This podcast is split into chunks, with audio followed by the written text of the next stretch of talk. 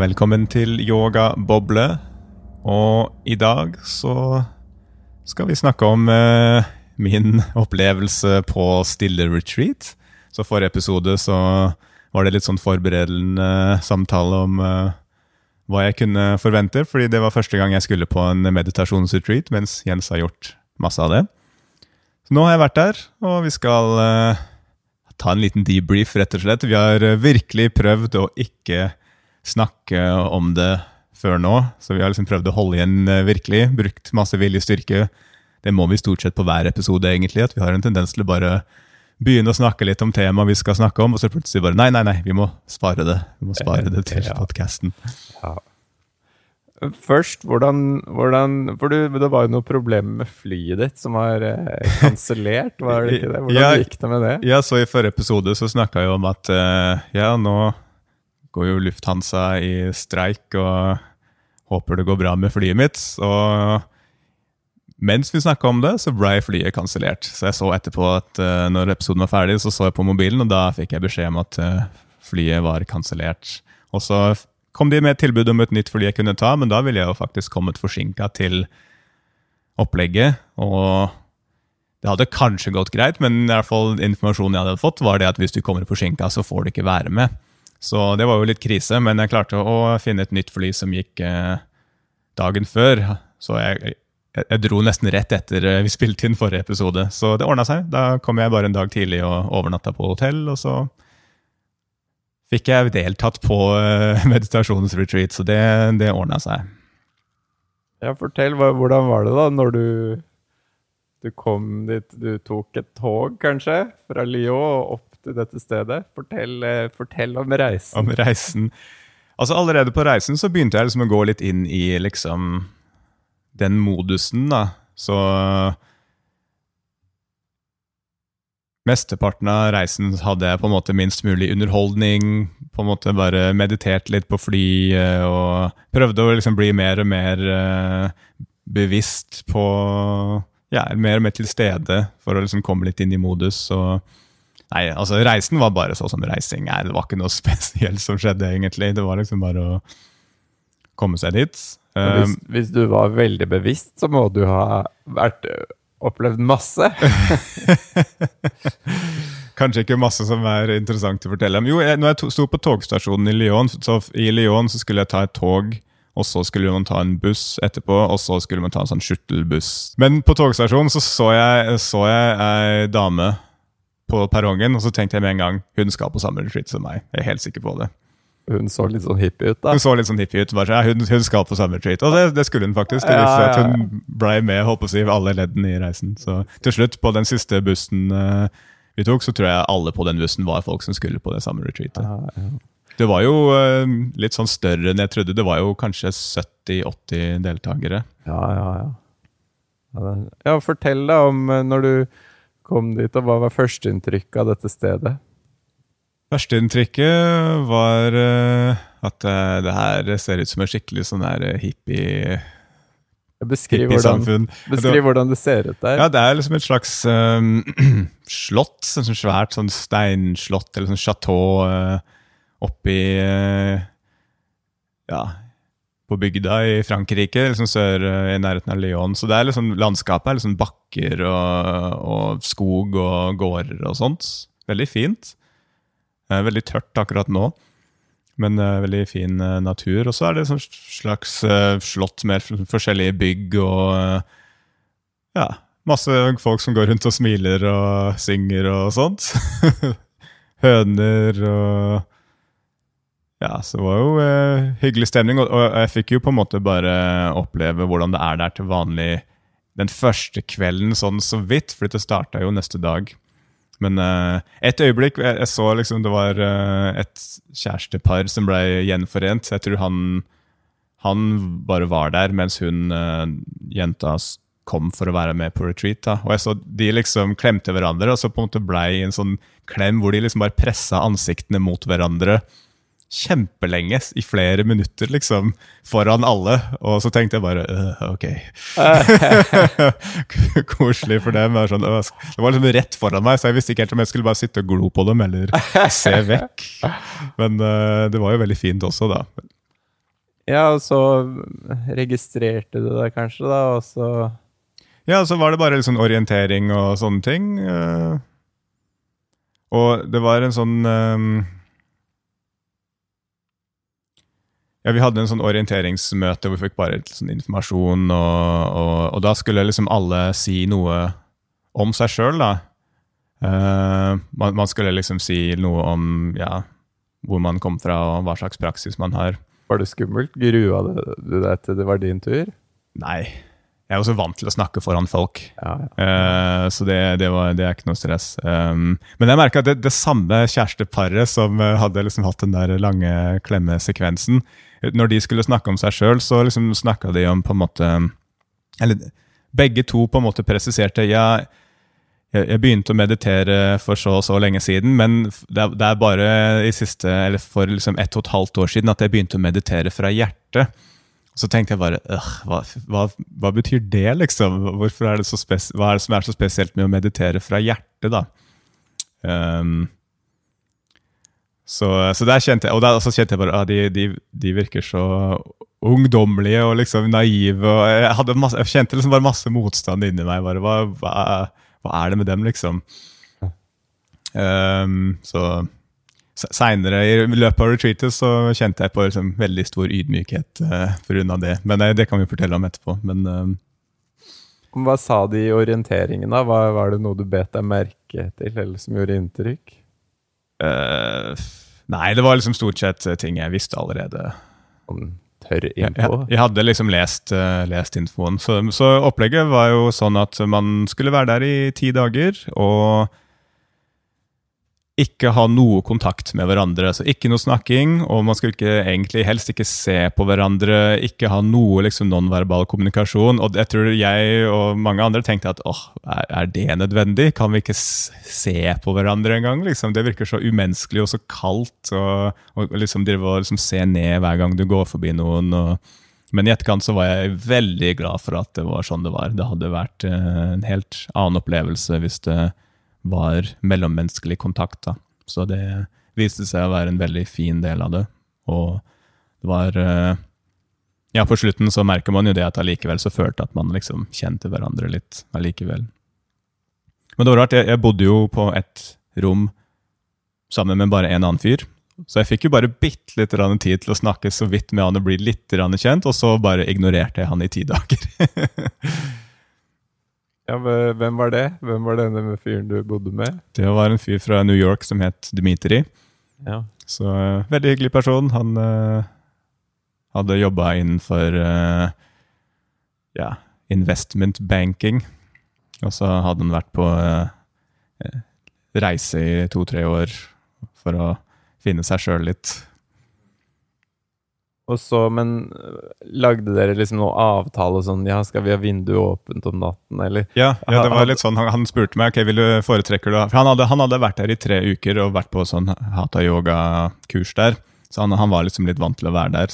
Så, men altså, han spurte ok, foretrekker du å ha vinduet åpent. Vi avtalte litt sånn, sånn der eh, alarm når vi skulle våkne på morgenen og sånne ting. Men ellers så måtte jeg liksom bare sånn, Etter hvert så, måtte, så, så skjønte jeg ok, han liker å ha det litt sånn ryddig. Kanskje jeg skal gjøre en liten innsats på å re opp senga og sånt. så sånne ting måtte vi bare liksom skjønne etter hvert. Øh, Var det noe snakking i søvne? Nei, Nei, ikke så vidt jeg merka.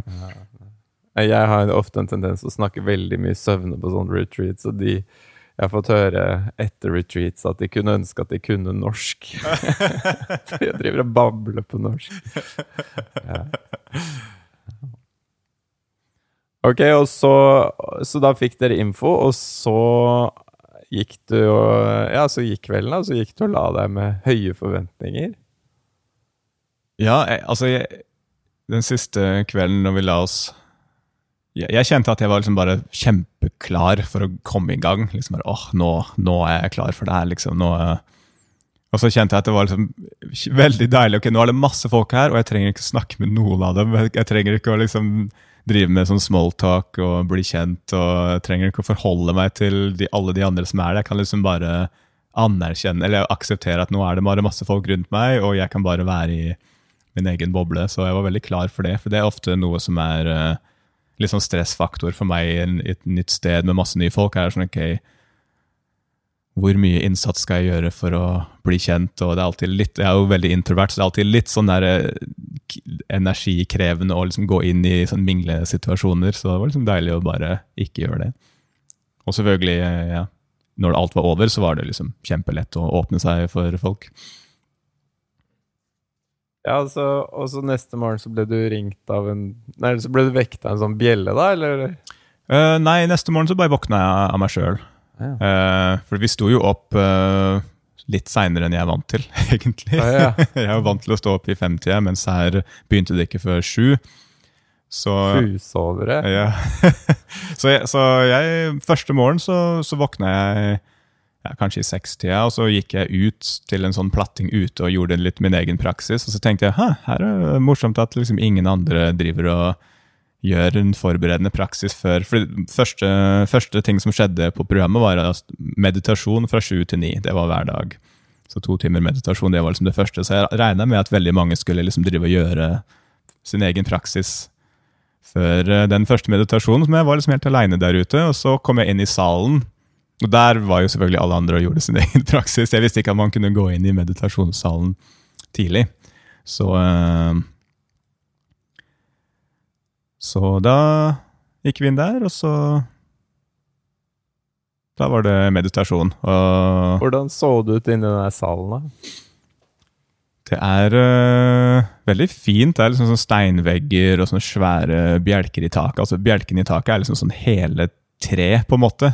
Trestammer som er liksom bare så vidt skjært til, som bærer hele bygget. Og øh, ja, veldig trangt. Når, liksom, når det er matter, så er det liksom bare kanskje 10 centimeter mellom mattene, og så var det ja, plass til sånn 60-70 stykker der. Så ganske sånn stappfullt. Um, Det er sånn at hvis du strekker ut armen, så kan du ta på sidemannen, da. Ja, ja. Så det var, spesielt når vi gjorde liksom sånn asenær praksis, så var det mange øvelsene hvor det var liksom vanskelig å finne plass.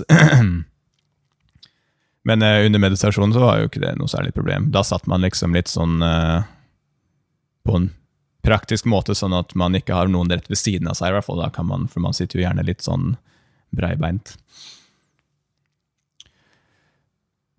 Var det sånn at du kunne høre de andre puste og sånn?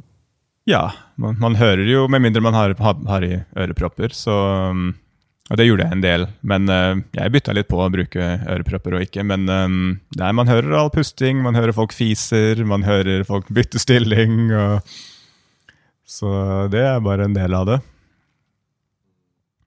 Ja, og så kom han læreren da, som skulle lede retreatet. Ja, så han læreren eh, som heter Sahajananda, eller Sahaja, han hadde vi møtt kvelden før også. Uh, men uh, ja, så Kan jeg jo kanskje si litt om på en måte måten vi mediterte på, for det er ganske relevant for de opplevelsene jeg har hatt. da. Um, så i, på Hridaya yoga, som det heter, så har han eh, han læreren har på en måte satt sammen en, en måte å meditere på som um, ja, visstnok er veldig inspirert av um, former for shaivisme i indisk tradisjon, uh, sufi-tradisjon, kristen mystisisme. Det handler veldig mye om hjertet, da, så det er jo derfor disse, disse folka snakker om at uh, det var et, en overgang å begynne å meditere fra hjertet. da.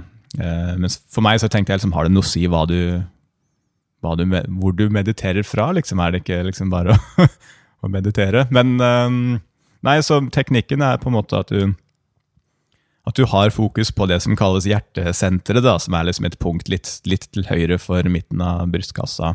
Og at, eh, at det er liksom der du flytter oppmerksomheten din når du mediterer. Ehm, og at du på en måte har litt fokus på liksom å meditere med et åpent hjerte, som ehm, skal på en måte skape litt mer sånn intimitet, litt mer sånn hellig stemning rundt meditasjonen. At ikke du bare er liksom oppi hodet ditt. da. Um, og I tillegg til det så jobber man med en teknikk som heter self-inquiry, som uh, er noe som kommer fra en fyr i India som heter Ramana Maharshi rundt sånn 1900 ja, tidlig 1900-tallet. Og uh, som handler om å på en måte hele tida stille seg sjøl spørsmålet 'Hvem er jeg?' Uh, og i yoga så er jo på en måte det et litt sånn spesielt uh, spørsmål, fordi man i yogafilosofi, som vi kanskje har snakka litt om, så er man ikke den man tror man er. da. Man er liksom ikke sin personlighet eller tankene sine eller egoet sitt eller følelsene sine. Man er noe som egentlig ikke kan fattes med hodet. Man kan ikke beskrive det med ord, man kan ikke forstå det med hjernen.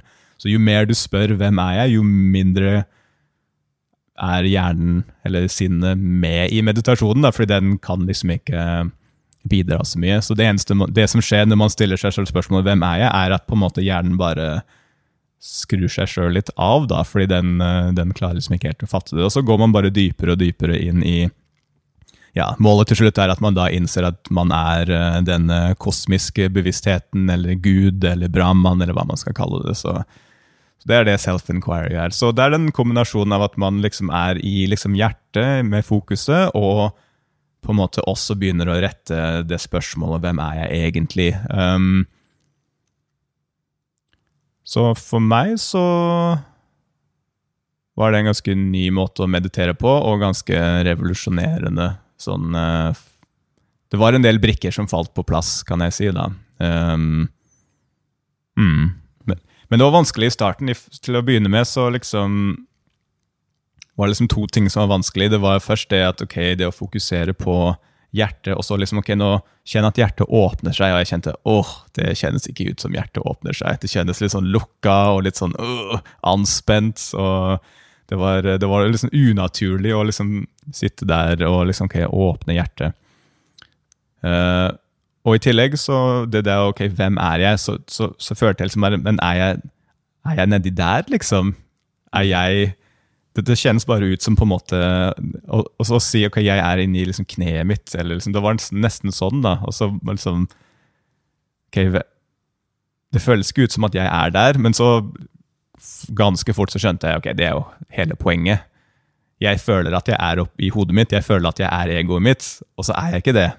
Og så er det egoet som uh, på en måte gjør litt motstand, da. Så um,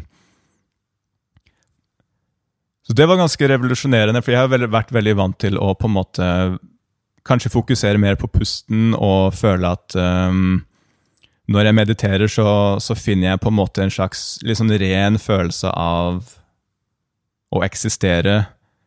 Men jeg har alltid følt at det er det som kalles buddhi i yogafilosofi, og det er fortsatt i sinnet. Det er bare det, det rene sinnet som på en måte Det er, det er ikke ego, det er ikke sånn personlighet det er på en måte bare en tilstand hvor du bare legger merke til sanseinntrykk og bare liksom eksisterer, men det er fortsatt sinnet. Det er fortsatt oppi hodet, liksom. Um, mm.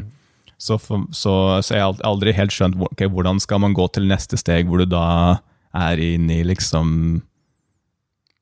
Brahman eller Atman, eller hva man skal kalle det. Det har alltid bare vært det sånn der, ok, kanskje det skjer en eller annen gang, eller kanskje ikke, men, men aldri hatt noe sånn der måte å komme dit på, da. Mm. Og jeg kan jo si med en gang, jeg kom ikke dit nå heller. Jeg, jeg, det var ikke noe samadhi, det var ikke noe sånne superopplevelser uh, av å liksom bli i ett med hele universet og sånn. Så, det, så dere som lurer på om jeg, om jeg kom dit, det kan jeg si med en gang at jeg ikke gjorde det. Hvordan var Du har ikke Du har meditert ganske mye, men du har ikke meditert så mye i løpet av én dag. Så hvordan var det sånn første dagen og ja, Første dagen så mediterte du kanskje Hvor, hvor mye mediterte du da?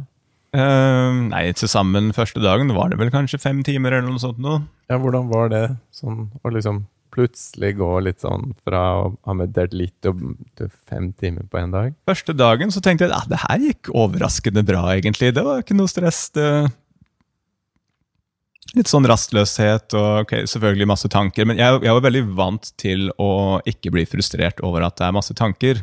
Det er jo noe på en måte man lærer over uh, Der kom det en rar lyd. Ja, det var bare Mac-en. Ja. Uh, nei, så det, så det, er jo på en måte Når du har meditert i mange år, så blir du jo etter hvert mindre frustrert over liksom prestasjonen din. Da. Så det, akkurat det, for det var det jo veldig mange som sleit med. Um, at de følte at de ikke fikk det til. da. Altså Når vi liksom delte om opplevelsene på slutten, så var det mange som på en måte hadde mye frustrasjon over at de ja, det her monkey mind og mye frustrasjon over at de liksom klarte ikke å fokusere. Men jeg er ganske vant til at det bare er en del av det. Så det Monkey mind, kanskje du må forklare. Ja, så man kaller det liksom monkey mind. Alle, alle disse tankene som hele tida driver og forstyrrer meditasjonen. da. Så eh, nei, det, akkurat det var ikke noe stress. Og så liksom første dagen så var det okay, liksom ubehagelig å sitte, men man kunne jo bytte stilling, man kunne sitte på en stol. og Så etter den første dagen så var det sånn det her blir jo helt, det her blir jo ikke noe vanskelig. Bortsett fra at eh, det var det her med åh, hjertet, hva skal jeg gjøre der? Og, og liksom uh, Akkurat den her self-inquiry, det å stille seg selv hvem, hvem er jeg, det oppdaga jeg veldig fort at ok, det her er et skikkelig kraftig verktøy. For jeg merka at med en gang jeg stilte meg selv det spørsmålet, så bare forsvant alle tankene, alle forestillingene om på en måte hva jeg vil, hvem jeg er, hva jeg har lyst til. Alt det ble på en måte bare blei borte, da. Et øyeblikk, og så kommer det tilbake. Men man, det var sånn perfekt sånn reset. Jeg kunne liksom bruke det hver gang jeg liksom ble distrahert, eller hver gang jeg tenkte å, nå er jeg lei. eller alt. Hver gang man liksom noe forstyrrer meditasjon, så er det først sånn hvem, Men hvem er jeg? Og så er man liksom bare tilbake. Så det, det verktøyet satte jeg veldig pris på. Og jeg kan jo fortelle en, en ganske heftig opplevelse jeg hadde bare allerede den første dagen. Jeg hadde egentlig Jeg hadde Jeg kan si jeg hadde dype opplevelser hver eneste dag. Men uh, den første dagen var kanskje nesten den mest uh, heftige opplevelsen. Jeg liksom drev og på en måte fokuserte på hjertet hele tida og liksom bare følte åh, jeg vet ikke helt om det liksom, det her kommer til å ta lang tid før liksom hjertet liksom åpner seg. hvis det, hvis det kommer, Kanskje det ikke det skjer i løpet av denne uka. her, liksom, Kanskje det er noe jeg må jobbe med i mange år. Men allerede den første dagen så liksom kjente jeg at det, det skjedde noe, og så fikk jeg liksom bare et lite glimt, et lite liksom En følelse av en uendelig kapasitet for kjærlighet. At, uh, at det, er liksom, det er et sted der hvor hvis man får tilgang til det, så, er det, så finnes det liksom uendelig og ubetinget kjærlighet. Og det var ganske utrolig å oppdage. Og og det jeg umiddelbart innså da, var at jeg i mitt liv Og jeg føler at jeg har veldig mye kjærlighet i mitt liv. Jeg har liksom en kone som jeg har vært sammen med i mange år, og vi skal ha barn om ikke så altfor lenge, og jeg har en hund jeg er veldig glad i, og foreldrene mine har jeg et godt forhold til. liksom det, Jeg føler at jeg har så mye kjærlighet i livet mitt. Men i det øyeblikket så oppdaga jeg at jeg alltid holder litt tilbake. Og det, visste, det hadde jeg ikke trodd at jeg gjør. Jeg, jeg visste ikke at jeg jeg alltid holder igjen litt. Og jeg vet ikke hvorfor. Um, sikkert altså, kan, altså, De aller fleste gjør vel kanskje det, egentlig. Men liksom, det er vel en slags frykt for å gjøre seg sjøl sårbar. En eller annen slags frykt for avvisning. Hvem vet? Um, men at jeg alltid holder igjen litt. Og det var, liksom, Jeg ble helt sånn overvelda emosjonelt av liksom, å oppdage det og tenke på alle menneskene i livet mitt hvor, som jeg på en måte hvor jeg kan vise så mye mer kjærlighet enn det jeg gjør, da. Det var bare første dagen at jeg bare fikk liksom et lite glimt av det potensialet som Det er ikke snakk, det er ikke, det er ikke snakk om at å ja, det fins liksom det fins litt mer kjærlighet det går an å gi. Det er sånn, det fins uendelig mye mer. Det fins ikke noen grense, liksom. At, og den kjærligheten kan man gi til alle skapninger i verden. Og det er jo noe med det, det er jo forskjellen på liksom å konseptuelt tenke en sånn tanke. Og altså Det er jo det som er liksom så sterkt med liksom meditasjon eller alle mulige slags spirituelle praksiser, at du kan komme til en tilstand hvor du faktisk opplever det, du føler det. og da ja, Det er mye lettere å på en måte leve etter noe du har opplevd, enn etter en, et konsept som du syns høres fint ut. da. Så um, altså Det er et utrolig sterkt uh, minne å ha den, og huske den følelsen av at, at det, det fins faktisk ingen grenser, ingen betingelser for den kjærligheten. Så det satte liksom standarden da, for, for resten av retreat, at, uh, at uh, ok, nå vet jeg at det fins. Fikk du på en måte noen forventninger om at du bare skulle få enda mer etter det? Når du liksom starta? Ja, det var nok en del av meg som var sånn Ok, nå, nå Shit, hvor går det herfra, liksom? Ja. Men um, Nei, det, det tar, nok, tar, nok, lang tid før det blir en permanent tilstand. Det gjør det nok. Men, eh, men det er likevel så er det noe med det at liksom, når man er bevisst på det, når man vet at ja, i hver, hver, hvert øyeblikk så kan man liksom minne seg sjøl på at ok, nå holder jeg sikkert igjen litt, så bare la være å holde igjen. Og det er jo noe man kan på en måte bare bevisst uh, gjøre. Det handler jo bare om frykt, egentlig. Gi slipp. Så uh, var det, Men hva, hva, var den største utfordringen du støtte på, da? Ja, så det, det som så, så Etter den første dagen, og så etter den andre dagen, så var det sånn Ja, det her blir jo kanskje litt sånn plankekjøring. Men så begynte den fysiske smerten å komme. Um, så liksom et, fra et, ja, Den første dagen så var, liksom, så var det greit, men, men så liksom Kroppen min er jo ikke vant til å sitte sånn så lenge. Så eh, så musklene begynte liksom sakte, men sikkert å knyte seg sammen i ryggen og rundt ribbeina og sånt. Og ja, fra dag to eller tre så begynte det liksom å være vondt å sitte der.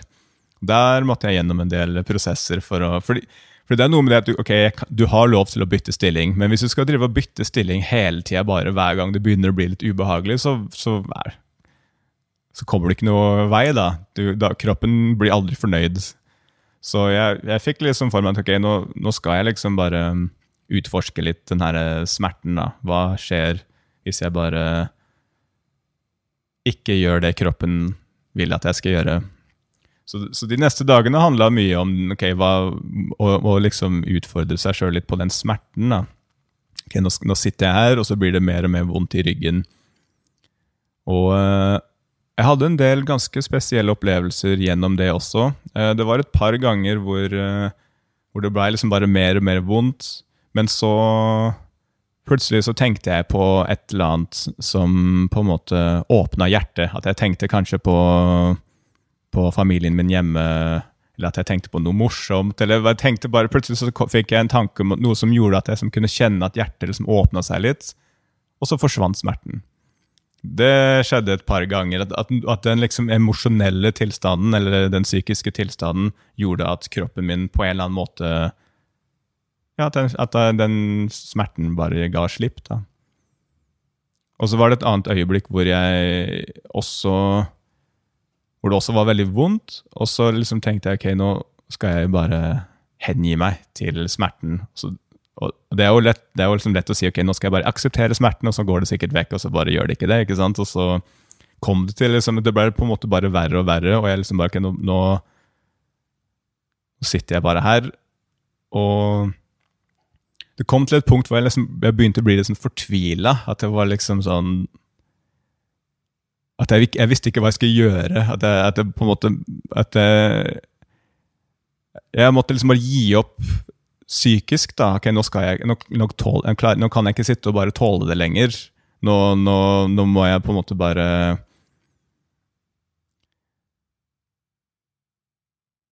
Nesten som et slags øyeblikk hvor du liksom bare hengir deg til en høyere makt. For ok, bare hjelp, Gud, hjelp meg! liksom, Det, var, det er et sånt øyeblikk. selv om jeg vet, Det var ikke så liksom artikulert, men det var liksom bare sånn Nå, nå klarer jeg ikke mer. Og da og forsvant uh, smerten. da, I det øyeblikket av liksom hengivenhet.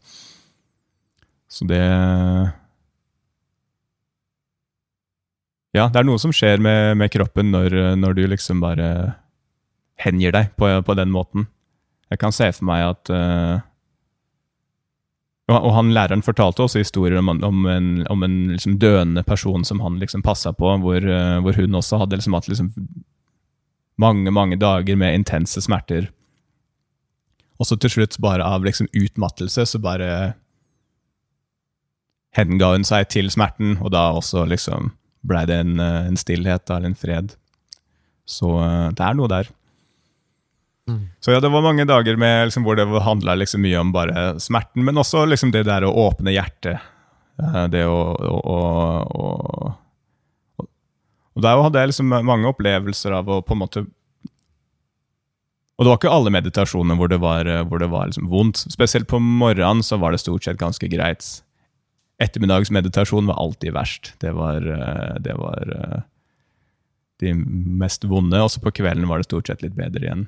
Men um, altså jeg hadde noen opplevelser også av bare intens takknemlighet og ydmykhet. Hvor jeg liksom tenkte på folk i livet mitt og, og liksom bare hvordan jeg har det, og så bare var liksom evig takknemlig og ydmyk for, for alle, alle, rundt meg. Og igjen den følelsen av at hvorfor, hvorfor, jeg, hvorfor viser jeg det ikke enda mer? Liksom? Hvorfor viser jeg ikke den kjærligheten enda mer? Men ikke på en sånn der 'å, jeg er ikke bra nok'-måte, men mer bare sånn 'å, det er et så, det er et så stort potensial'. Jeg blir litt sånn irritert når du forteller om det. Jeg måtte tørke en liten tåre. Jeg har jo vært litt sånn borti noe av det samme selv. Og synes, ja, jeg syns det er veldig fint å høre deg snakke om det.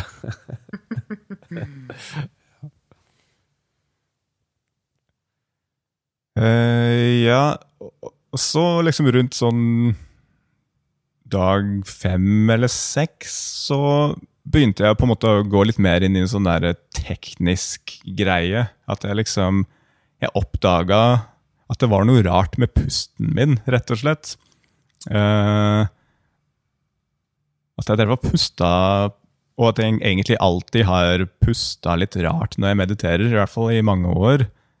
Sikkert fordi jeg har stort sett alltid gjort pranayama først, altså yoga-pusteøvelser, og så har jeg liksom fokusert på pusten i meditasjonen. Så at jeg har en tendens til å puste ganske dypt når jeg mediterer.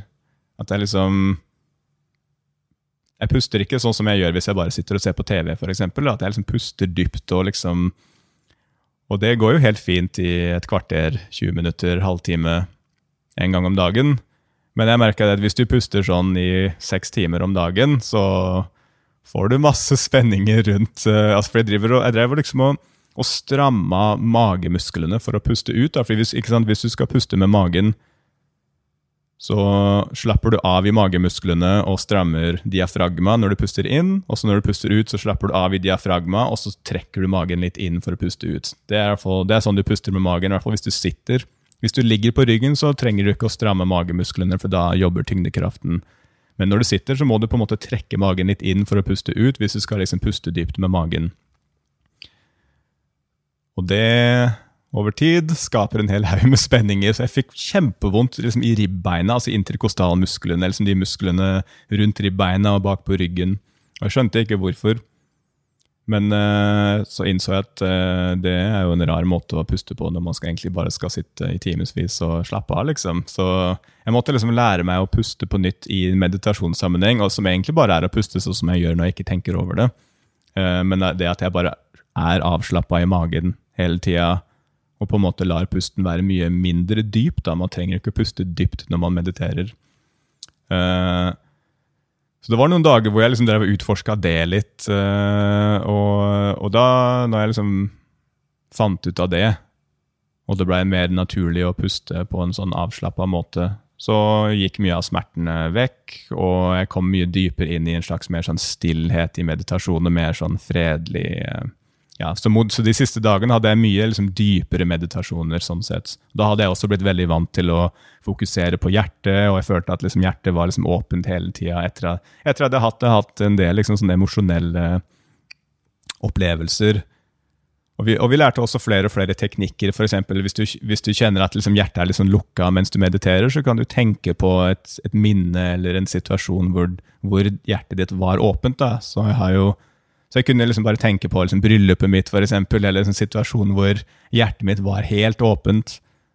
Og så la det minnet bare gå vekk, og så la den kjærligheten gå mer over i en slags sånn kosmisk eh, kjærlighet istedenfor. At ikke den handler om en emosjonell kjærlighet, men mer bare liksom en, en, tilstand. Så, så den, det funka veldig fint, så det kunne jeg liksom gjøre hver gang jeg kjente at å, nå, nå er jeg bare inne i en sånn teknisk meditasjon tørr og teknisk meditasjon, men at jeg kunne liksom åpne hjertet litt. Og da, fikk jeg, og da kunne jeg på en måte få en mye dypere stillhet. da.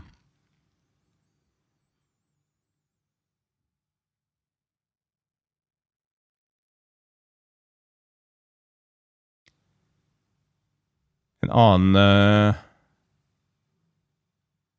veldig sterk opplevelse jeg hadde for Det er også sånn vanlig at man på en måte har opplevelser hvor du innser at åh, oh, nå må jeg endre livet mitt. Nå må jeg, altså, det, man, man, vil jo gjerne at livet sitt skal stemme med den sannheten man opplever i en sånn lang eh, meditasjonsretreat. Eh, at eh, man tenker liksom klart på mange måter.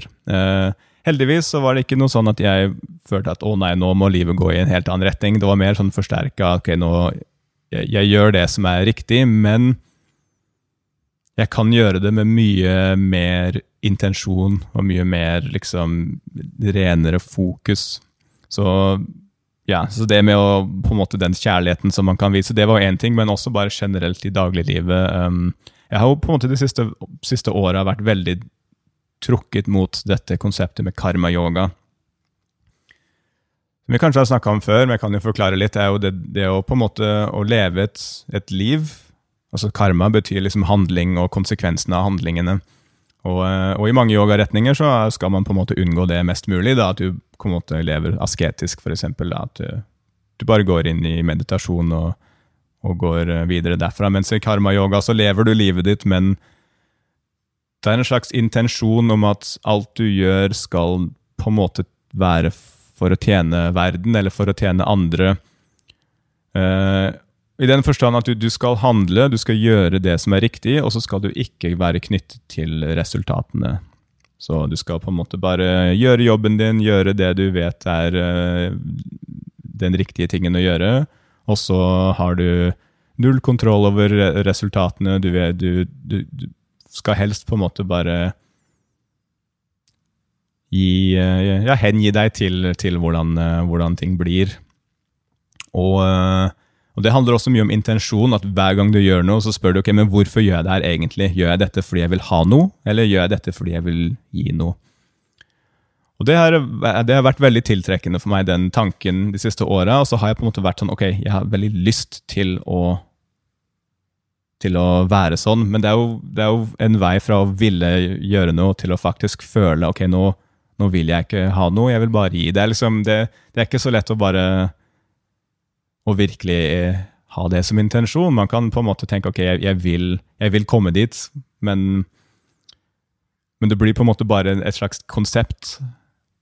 Men uh, i, i, løpet av den retreaten, og spesielt i, i en meditasjonsøkt, så, så, så, opplevde jeg virkelig at, at jeg var i den tilstanden. At jeg fikk liksom en tanke om at det eneste jeg vil, er å gi jeg, altså ta alt fra meg. Ha, altså Alt som på en måte jeg ikke trenger, bare ta det vekk. Jeg vil bare gi. Det, det var liksom en ekte følelse av det. Og så, går det jo selvfølgelig litt over, men nå har jeg det minnet. Jeg vet hvordan det føles å virkelig kun ha lyst til å gi, og ingenting annet.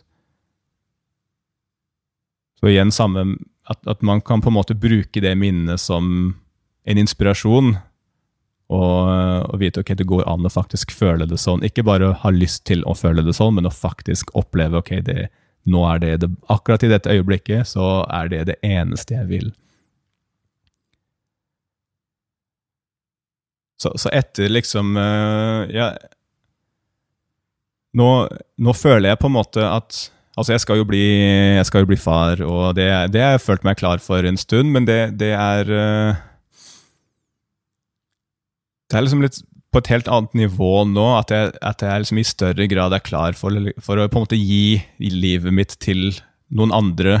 Men ikke bare Altså, jeg føler at nå er jeg, klar for å ta vare på et barn med funksjonshemninger, ta vare på et døende menneske. Jeg føler at, altså Før har jeg liksom tenkt at ok, vil, vil okay hvis kona mi blir hjerneskada, eller noe sånt, så vil jeg nok jeg vil jo gjøre det som trengs, men jeg vil også tenke å, men hva med hva med mitt liv? Hva med mine prosjekter? Nå skal jeg liksom ofre livet mitt for, for, noen andre. Mens, mens, nå tenker jeg liksom helt motsatt. At, det er, at det er, ingenting kan være liksom et rikere liv enn det. At det ville vært et privilegium å kunne være den personen for noen som trenger det.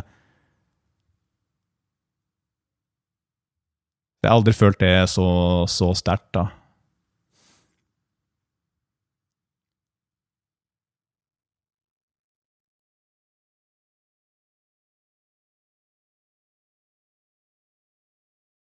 Står jo i ganske sterk kontrast til ja, mye av den litt sånn individualistiske holdningen som de fleste av oss har. eh, Ja, og jeg også, altså. Mesteparten av livet mitt har handla om meg. ikke sant? Hva vil jeg, hva har jeg lyst til? Hva har jeg lyst til for meg sjøl? Liksom. Og det har ikke nødvendigvis vært feil, men jeg føler at jeg nå er klar for å gå i en helt annen retning. da.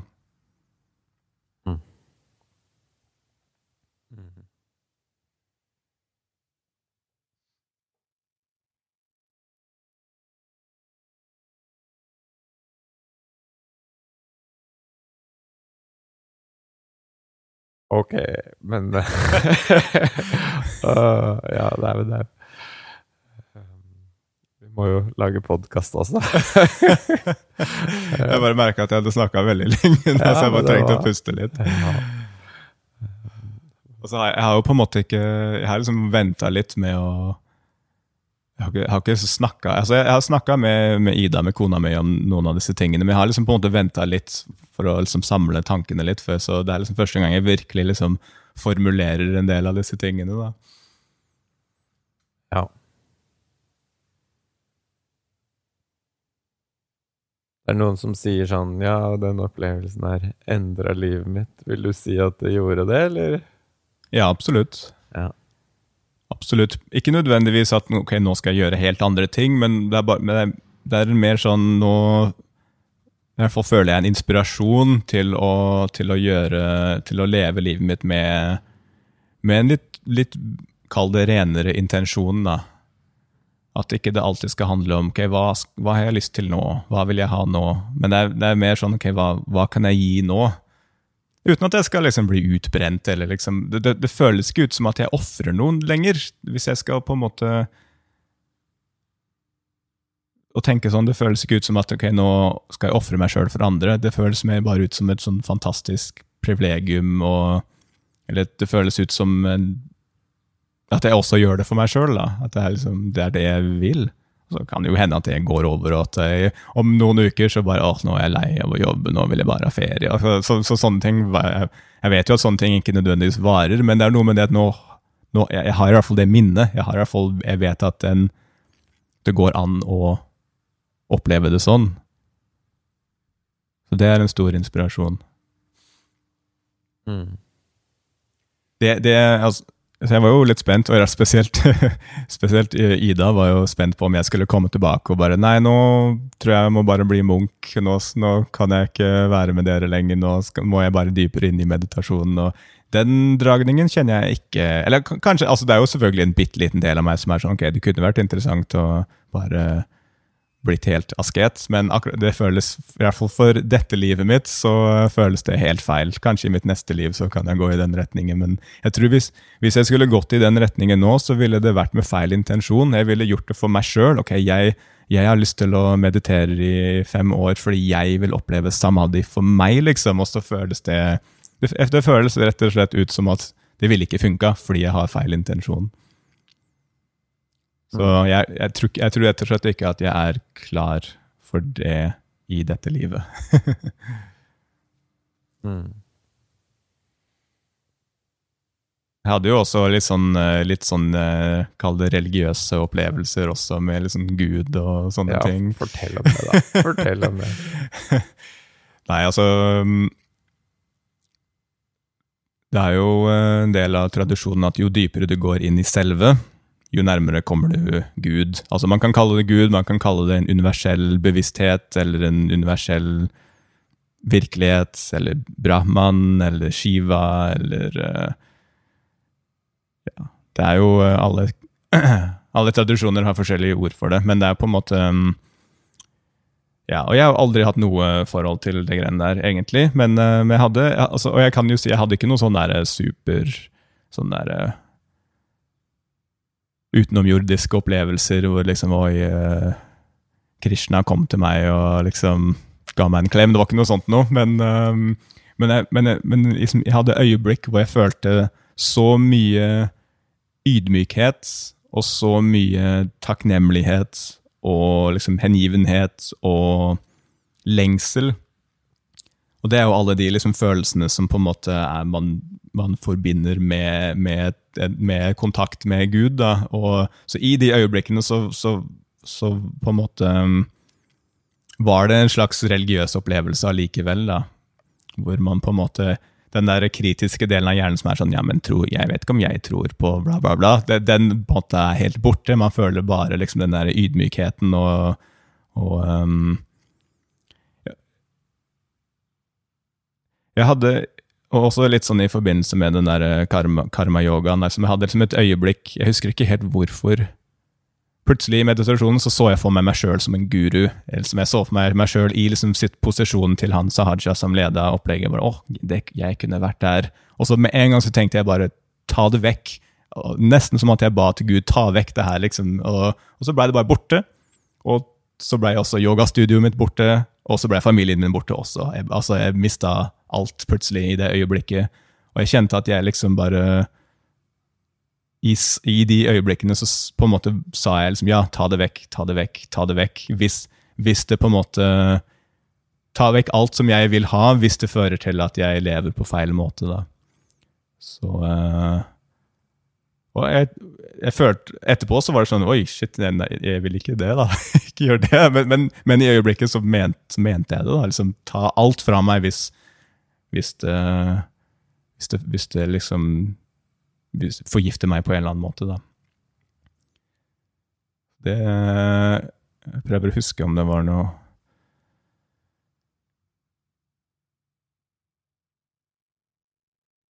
Ja, jeg hadde et par sånne opplevelser som man kan kalle litt sånn religiøse, hvor jeg, hvor jeg følte en slags liksom, Ikke nødvendigvis ja, en slags kontakt med, med, med, med liksom Gud, eller hva man skal kalle det. mest, mest, i intensjon, da. Um, hva mener du med mest intensjon? Uh, nei, si det.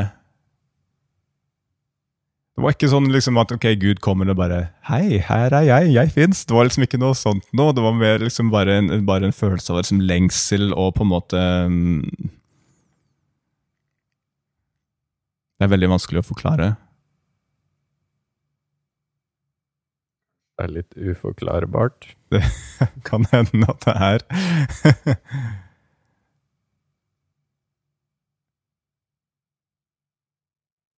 Ja, jeg vet ikke om jeg kan forklare det noe mer enn jeg har gjort, sånn egentlig. Sånn, hvis du spør meg nå tror du på Gud, så er det fortsatt sånn nei, jeg vet ikke. Altså, Å tro på Gud, er, å tro det er liksom noe sinnet driver med. Og, så, og sinnet mitt er ikke involvert. Det er det som er uh, litt sånn deilig også. At uh, jeg trenger ikke å ta stilling til noe som helst, egentlig. fordi så fort man tar stilling til ting, så er man bare i sinnet sitt uansett. Så den uh, den er ikke så Sinnet er ikke så relevant da, i disse tingene.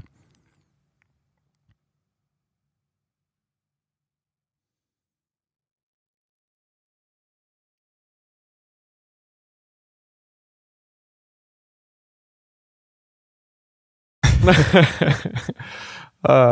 ja.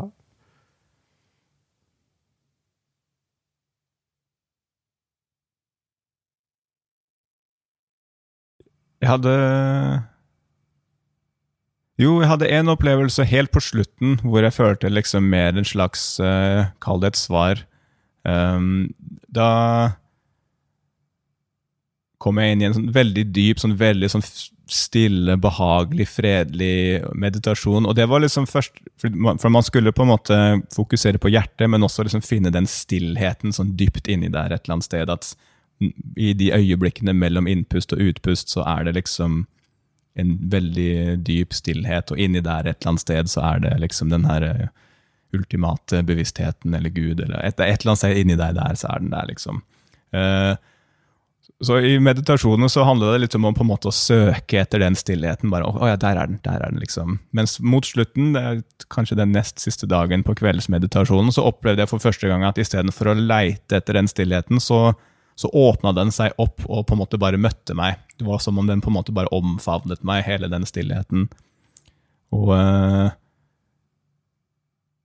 og det var egentlig bare sånn utrolig behagelig. Jeg tenkte meg, åh, der, Nå er stillheten bare rundt meg. liksom, Den bare holder rundt meg med sånn kjærlighet. Jeg følte en utrolig sånn kjærlighet og takknemlighet og ja, ydmykhet. Og uh, Og akkurat den meditasjonen, da, da, følte jeg at jeg liksom satt helt stille Og var ikke noen tanker, i hvert fall ikke noen tanker som forstyrret, liksom. Så, jeg på en måte bare var i den stillheten, liksom uavbrutt. Det var vel kanskje en time, da. Um, og, eh, og eh, jeg var jo fortsatt meg. Det var fortsatt sånn ok, jeg opplever dette, så det var ikke samadhi, som man kan kalle det. Men, um, men det var kanskje en diana istedenfor dharana. da, En meditasjon hvor du ikke prøver å konsentrere deg, men hvor det bare skjer av seg sjøl. Og um, og der Jo, der, der også merker jeg at ok, et eller annet sted i hodet mitt så merker jeg at nå begynner knærne å, å protestere. For det var, det var, det som skjedde et, etter at liksom ryggen, etter kanskje seks-sju dager, så begynte ryggen å ikke være så vond lenger, men da begynte jeg å få vondt i knærne. uh, så det er sånn typisk. Uh, men jeg jeg i, i, denne meditasjonen så merka jeg ikke nå begynner knærne å protestere. Men så var det helt, det var liksom irrelevant. Det sånn, men hva, det jo, betyr jo ingenting. Jeg er, jo, jeg er jo liksom ikke kroppen min, jeg er liksom inne i denne stillheten, så knærne kan bare gjøre sin egen greie. Men jeg merka det at når jeg kom ut av meditasjonen og liksom bare strakk ut beina, så var det bare sånn ubeskrivelig vondt. Det var liksom en, en så intens smerte i knærne. De hadde tydeligvis uh, protestert mer enn jeg visste, da. Uh, men allikevel, selv om jeg på en måte liksom satt og liksom vrei meg i smerte av, og etter at jeg strakk ut beina, så var det fortsatt en sånn der uh, glede i det, da.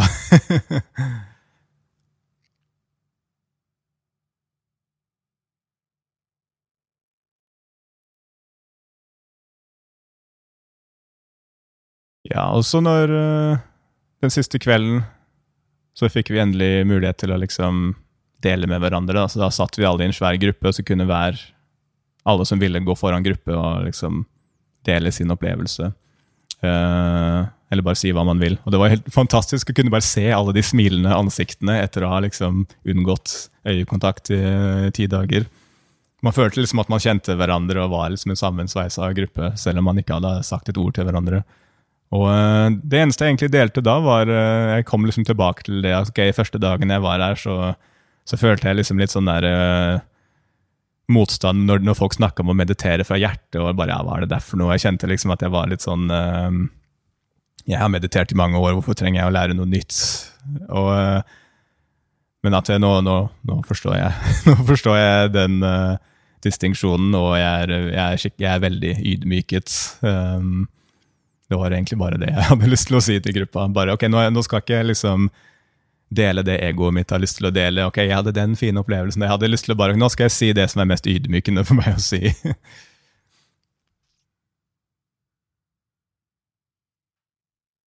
Hvordan var det å møte kona di igjen da, når du kom hjem?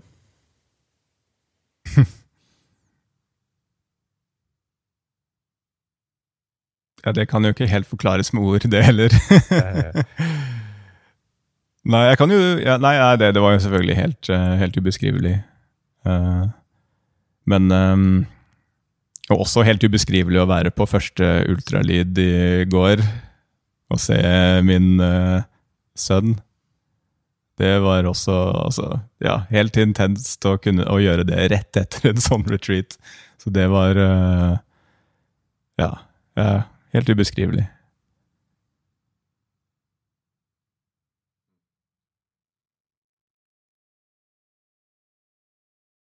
Og hun er letta for at du ikke er blitt uh, gal munk?